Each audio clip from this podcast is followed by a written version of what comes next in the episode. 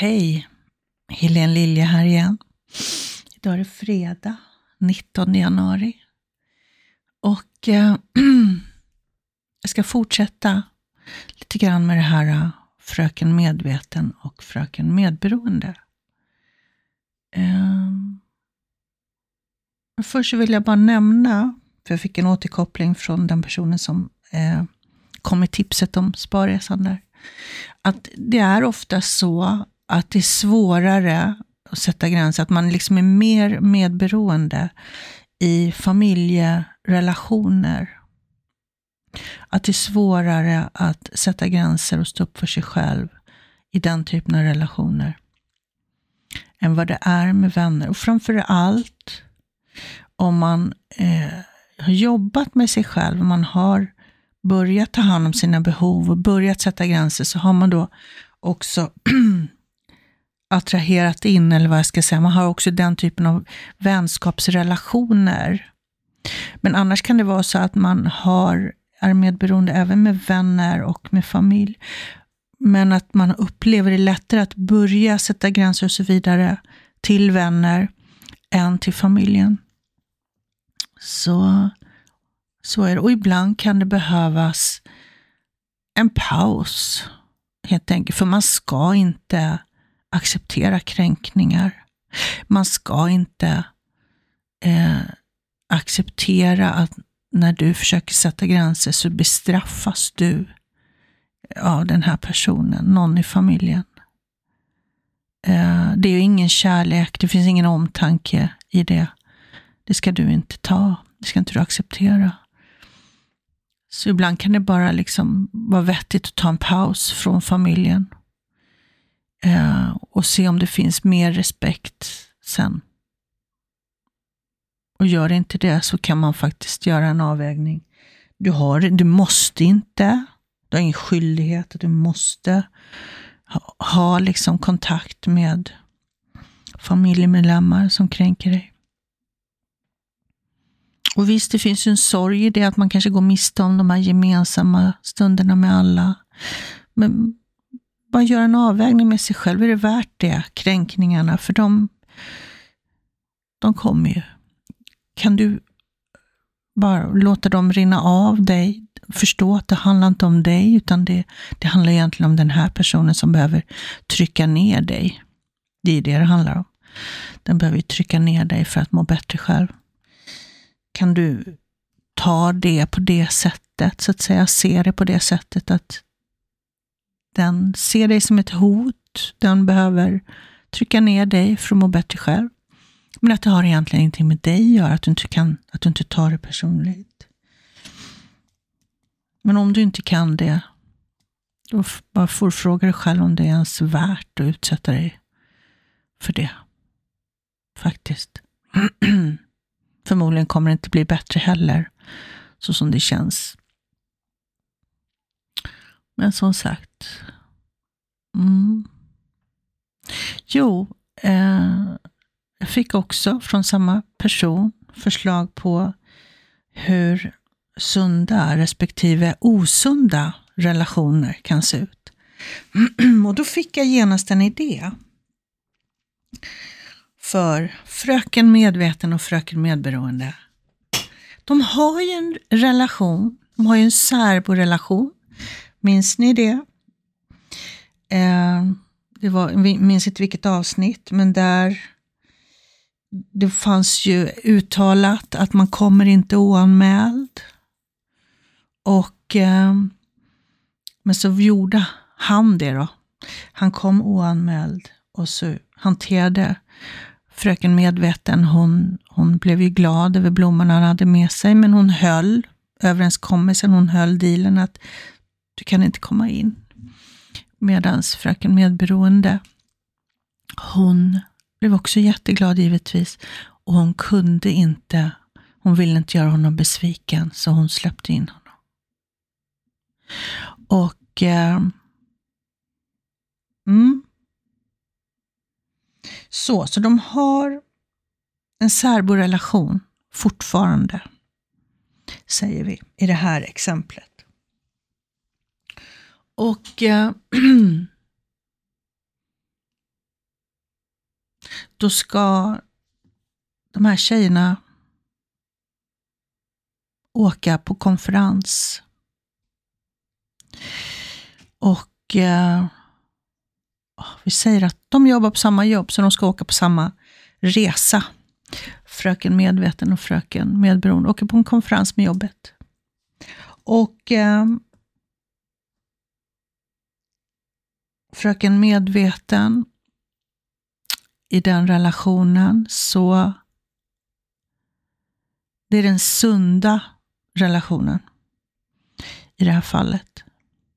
Så när hon berättar för honom att hon ska på konferens, han bara, kul för dig, var ska ni liksom? Frågade lite så här, ehm, um, frågade om hon såg fram emot det, hur det kändes och så vidare. Lite så här, bara dela glädje och visa intresse och lite så här, ingen big deal åt något håll liksom egentligen. Ehm, um, Medan när fröken Medberoende, som då har en osund relation, när personen hon är i relation med har ju ett narcissistiskt beteende. Han kom ju oanmäld och han fortsatte ju komma oanmäld och så vidare, men de har inte flyttat ihop än. Och eh, när hon då berättar att hon ska på konferens, då blir han genast misstänksam och svartsjuk. Och på konferenser, då, det är då det händer. Liksom. Det som händer på konferenser, det, liksom, det stannar på konferenser. Han har ju själv varit på konferens och gjort sånt där som man varit otrogen då, vill säga. Så det tror ju han om henne också. Och, bli, och hon, hon går in i försvar, hon säger, nej men du, det är bara dig jag älskar. Och hon bekräftar honom, nej men det skulle jag aldrig göra. Och, och så. Så att eh,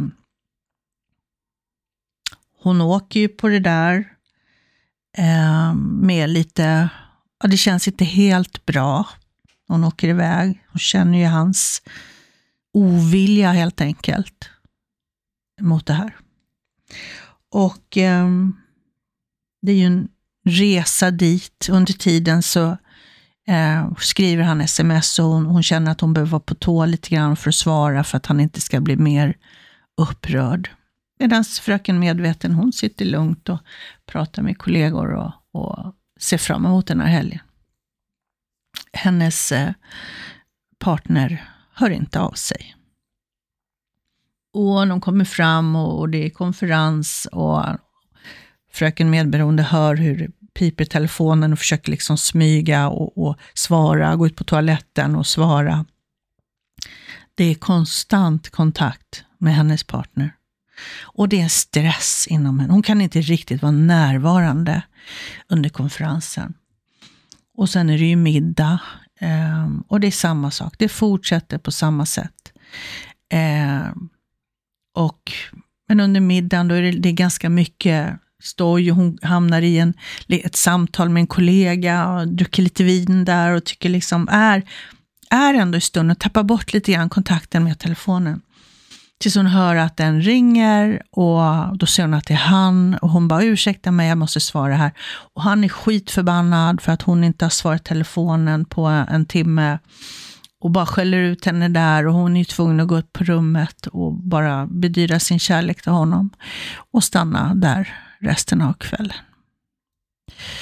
Och senare, när det är dags att bryta upp 11-12, vet inte vad klockan är, då kommer fröken medveten eh, in på rummet. De delar rum, då de här två tjejerna. Och um, har haft en fantastisk kväll och bara skickar ett sms till sin partner och säger ja, men, godnatt eller någonting sånt där. Och medans eh, fröken medberoende, hon sitter bedrövad på hotellrummet. Det är ingen bra stämning mellan henne och hennes partner. Så slutar den konferensen för de båda. Och det är ju så att de här tjejerna har ju då barn och det finns ju en annan förälder en manlig förälder med i bilden. Och barnen i skolåldern, eh, inte så jättesmå, men det är ändå en viss kontakt som krävs. Och man kanske pratar kring födelsedagar och jular och lov och så vidare. Man har kontakt. Och för Fröken Medveten, där är det, det är inte ens en big deal, det är inte ens en grej att hon har kontakt med sina barns pappa. Men med Fröken Medberoende, där finns det svartsjuka från hennes partner. Hon tycker, får höra ofta att han är en idiot och du, jag vill inte att du snackar med honom och ja, blir utskälld och det är ungefär som på konferensen i de sammanhangen när han får höra då att hon är i kontakt med eh, sina barns pappa. Det kan vara så att hon tar ett, en bild på ett av barnen och, och, skickar det till honom och han frågar, vad gör du? Nej, men jag skickar bara en bild till, ja, varför ska han ha det? Varför? Varför, det här är ju vi nu, liksom. varför ska jag, ja du vet, bli ifrågasättande, bli skuldbeläggande, det är svartsjuka, det är drama.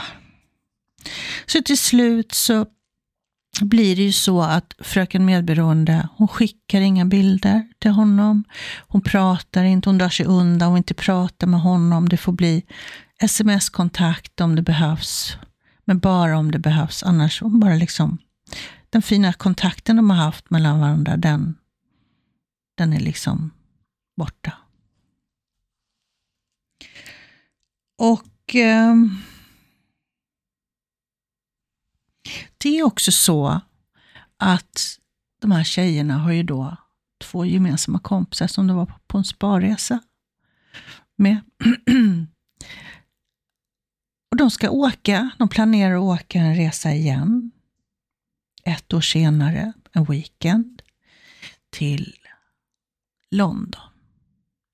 Och eh, fröken Medveten berättar det för sin partner. Och på samma sätt som med konferensen. Ja men vad kul! Vad, vilka ska åka? När åker ni? Och vad ska ni göra? Ni planerar något? Bara, så här, frågor, var ska ni bo någonstans? Lite så här, dela glädje. Åh vad kul! Jag har tips på en jättebra restaurang. Bla bla bla. Liksom så här. Varmt, omtänksamt, glädje och behöver ha någon hjälp med barnen eller någonting, någonting jag kan göra liksom för att underlätta. Så, bara. Fint, varmt, omtänksamt, trevligt. Och för fröken Medberoende. Hon grämer sig för att berätta om den här resan och genast när hennes vänner pratade med henne om den, åh, kan vi inte åka? Då fick hon en klump i magen.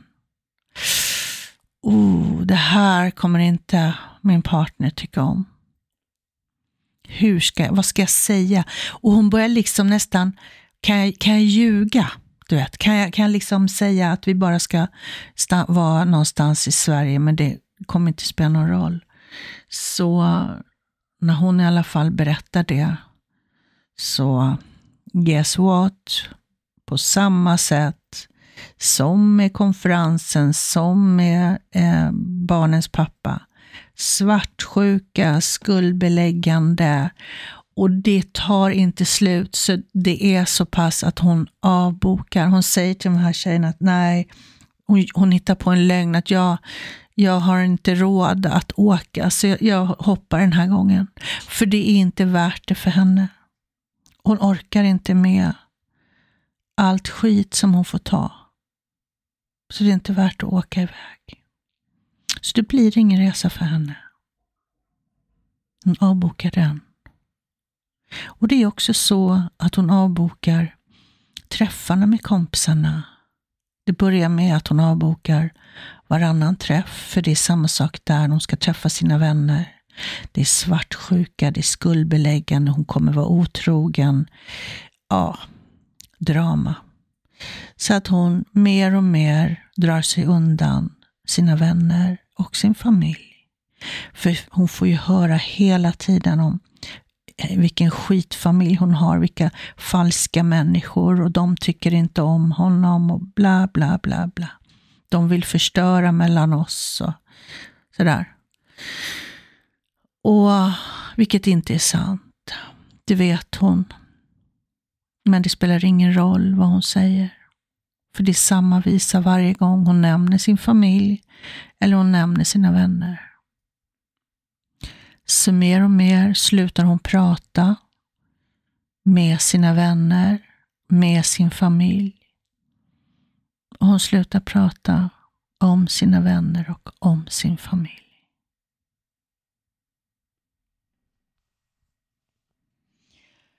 Och sen, icke att förglömma den ekonomiska biten.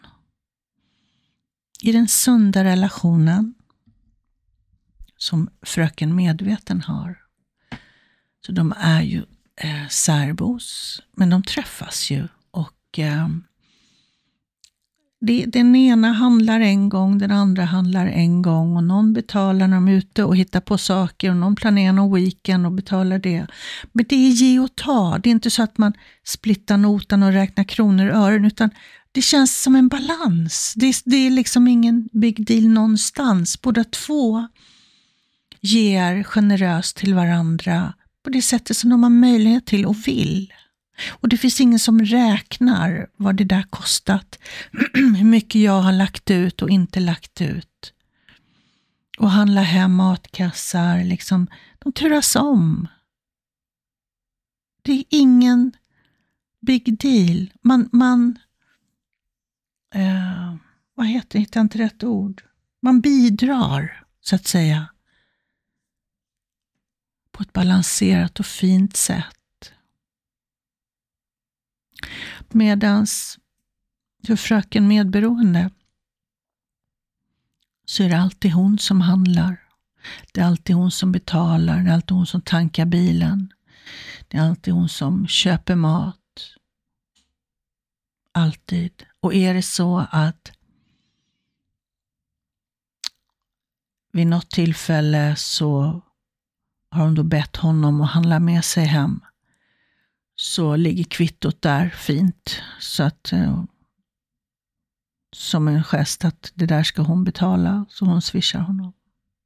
Hon går på knäna eh, ekonomiskt sen hon eh, fick en relation med den här partnern. För innan hade hon kanske inte jättemycket överflöd, men absolut, hon hade det bra Hon kunde lägga undan och vet, semestrar. Det var balanserat. Det, det var varken brist eller liksom någonting, utan det var, var, var inga konstigheter helt enkelt. Men nu är det konstant, nu är det liksom med nöd och näppe att det räcker till. För att det ska handlas in och det, man ska, det är liksom, det har blivit så mycket dyrare. Hon har inte riktigt koll på varför? Hon är inte riktigt i kontakt med det heller.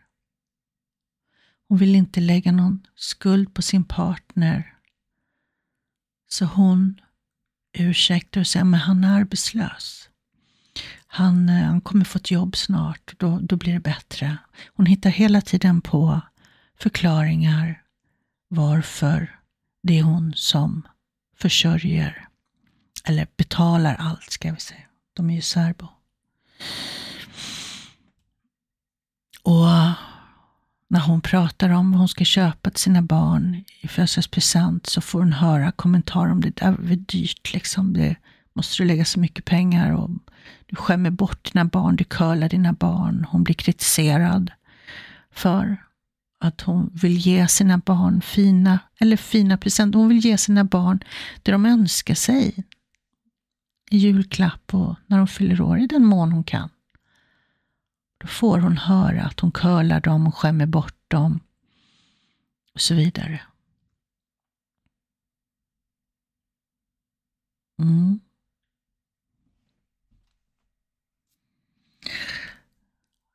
Så kan det se ut i en sund respektive en osund relation.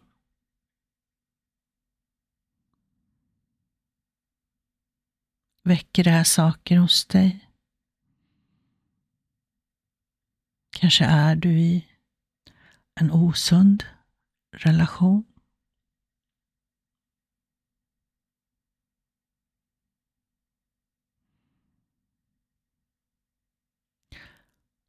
Det är viktigt att inte ljuga för sig själv. Det är viktigt att inte överge sig själv i det här. Okej, okay, det kanske är så att du är i en sån relation nu. Är det så du vill ha det? Det är så att det inte är din uppgift att rädda någon annan vuxen, att bära någon annan vuxen. Man kan finnas för andra under perioder när det behövs. Men det är inte meningen att du ska bära hela lasset hela tiden. Det är meningen att den andra personen ska ta ansvar för sig själv, sin ekonomi och att ni båda ska bidra. Det är inte du som ska betala allt. Det är väldigt vanligt nämligen med narcissister. Och det kan vara så att de har pengar, men de ändå inte betalar. Jag kan skylla på att jag har lagt in alla mina pengar i företaget eller jag, har, jag satsar det, jag har ingenting nu. Jag vill bara inte. Det är du som ska betala för era gemens, ert gemensamma liv, så att säga. Otroligt vanligt. Och Det är också vanligt att man sätter sig i skuld för att hjälpa sin partner som inte klarar av det här med ekonomin. Eller som har en tillfällig svacka eller vad det nu kallas för. Att ta lån för att överleva. Det är många som gör så. Och har du gjort det så det, det var det är. Du har inte varit medveten, du har inte kunnat göra andra, annat. All kärlek och omtanke till dig. Men sätt stopp för det nu. Har du hamnat i en sån situation, så det kommer inte att bli bättre av att du lånar mer pengar och ger till den här personen. Du blir bara mer skuldsatt. Så sätt stopp för det nu. Och är det så att du är rädd för konsekvenserna av det, se till att sätta dig i säkerhet. Det finns kvinnojourer, de kan hjälpa dig med skyddat boende och så vidare.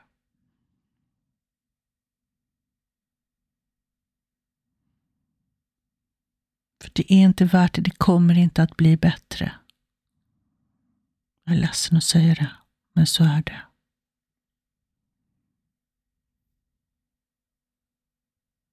Scenariot är snarare att när, när du inte kan låna mer pengar, när du är utmattad, har ingen energi, kan inte ge till din partner vad den vill ha, då söker den sig till någon annan att utnyttja.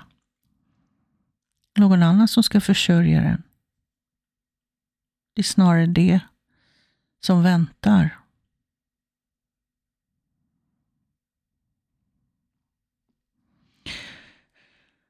Ja, sunda versus osunda relationer. Jag har inte tagit upp det här med otrohet. Inte mer än att när hon skulle åka på konferens och weekendresa och i kontakt med barnens pappa där så blir hon, fröken medberoende beskylld för att vara otrogen, för att liksom egentligen ligga med alla manliga som hon möter. liksom så.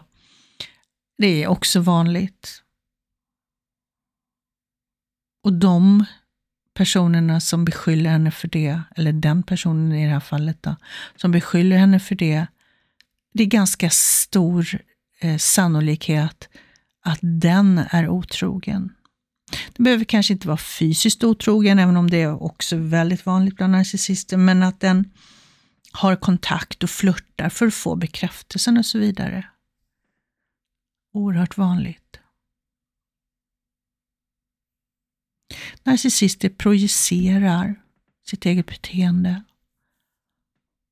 på sin partner, det vill säga det den gör beskyller den sin partner för. Så när den är otrogen så beskyller den dig för att vara det. När den ljuger, den beskyller dig för att ljuga. Den beskyller dig för att vara snål, den beskyller dig för att vara egoistisk. Det är så de gör.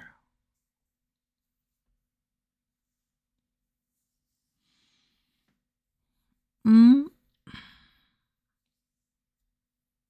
Ja, jag tror att jag stannar där. Det var allt för idag hörni. Är det så att du har en fråga som du vill ställa till podden, skicka ett mejl till helenehelenelilja.se så svarar jag gärna på den eh, i podden. Vill du ha ett privat svar, en privat ljudfil, så kan jag ordna det mot en liten kostnad. Är det så att du vill ha hjälp med att läka ditt medberoende, bli fri från narcissister, så kontakta mig för ett fritt inledande samtal på cirka 30 minuter, där vi kikar på din historia, vad du vill förändra, eller din historia, din situation också, vad du vill förändra och du får också möjlighet att känna in om, om jag är rätt person och hjälpa dig vidare.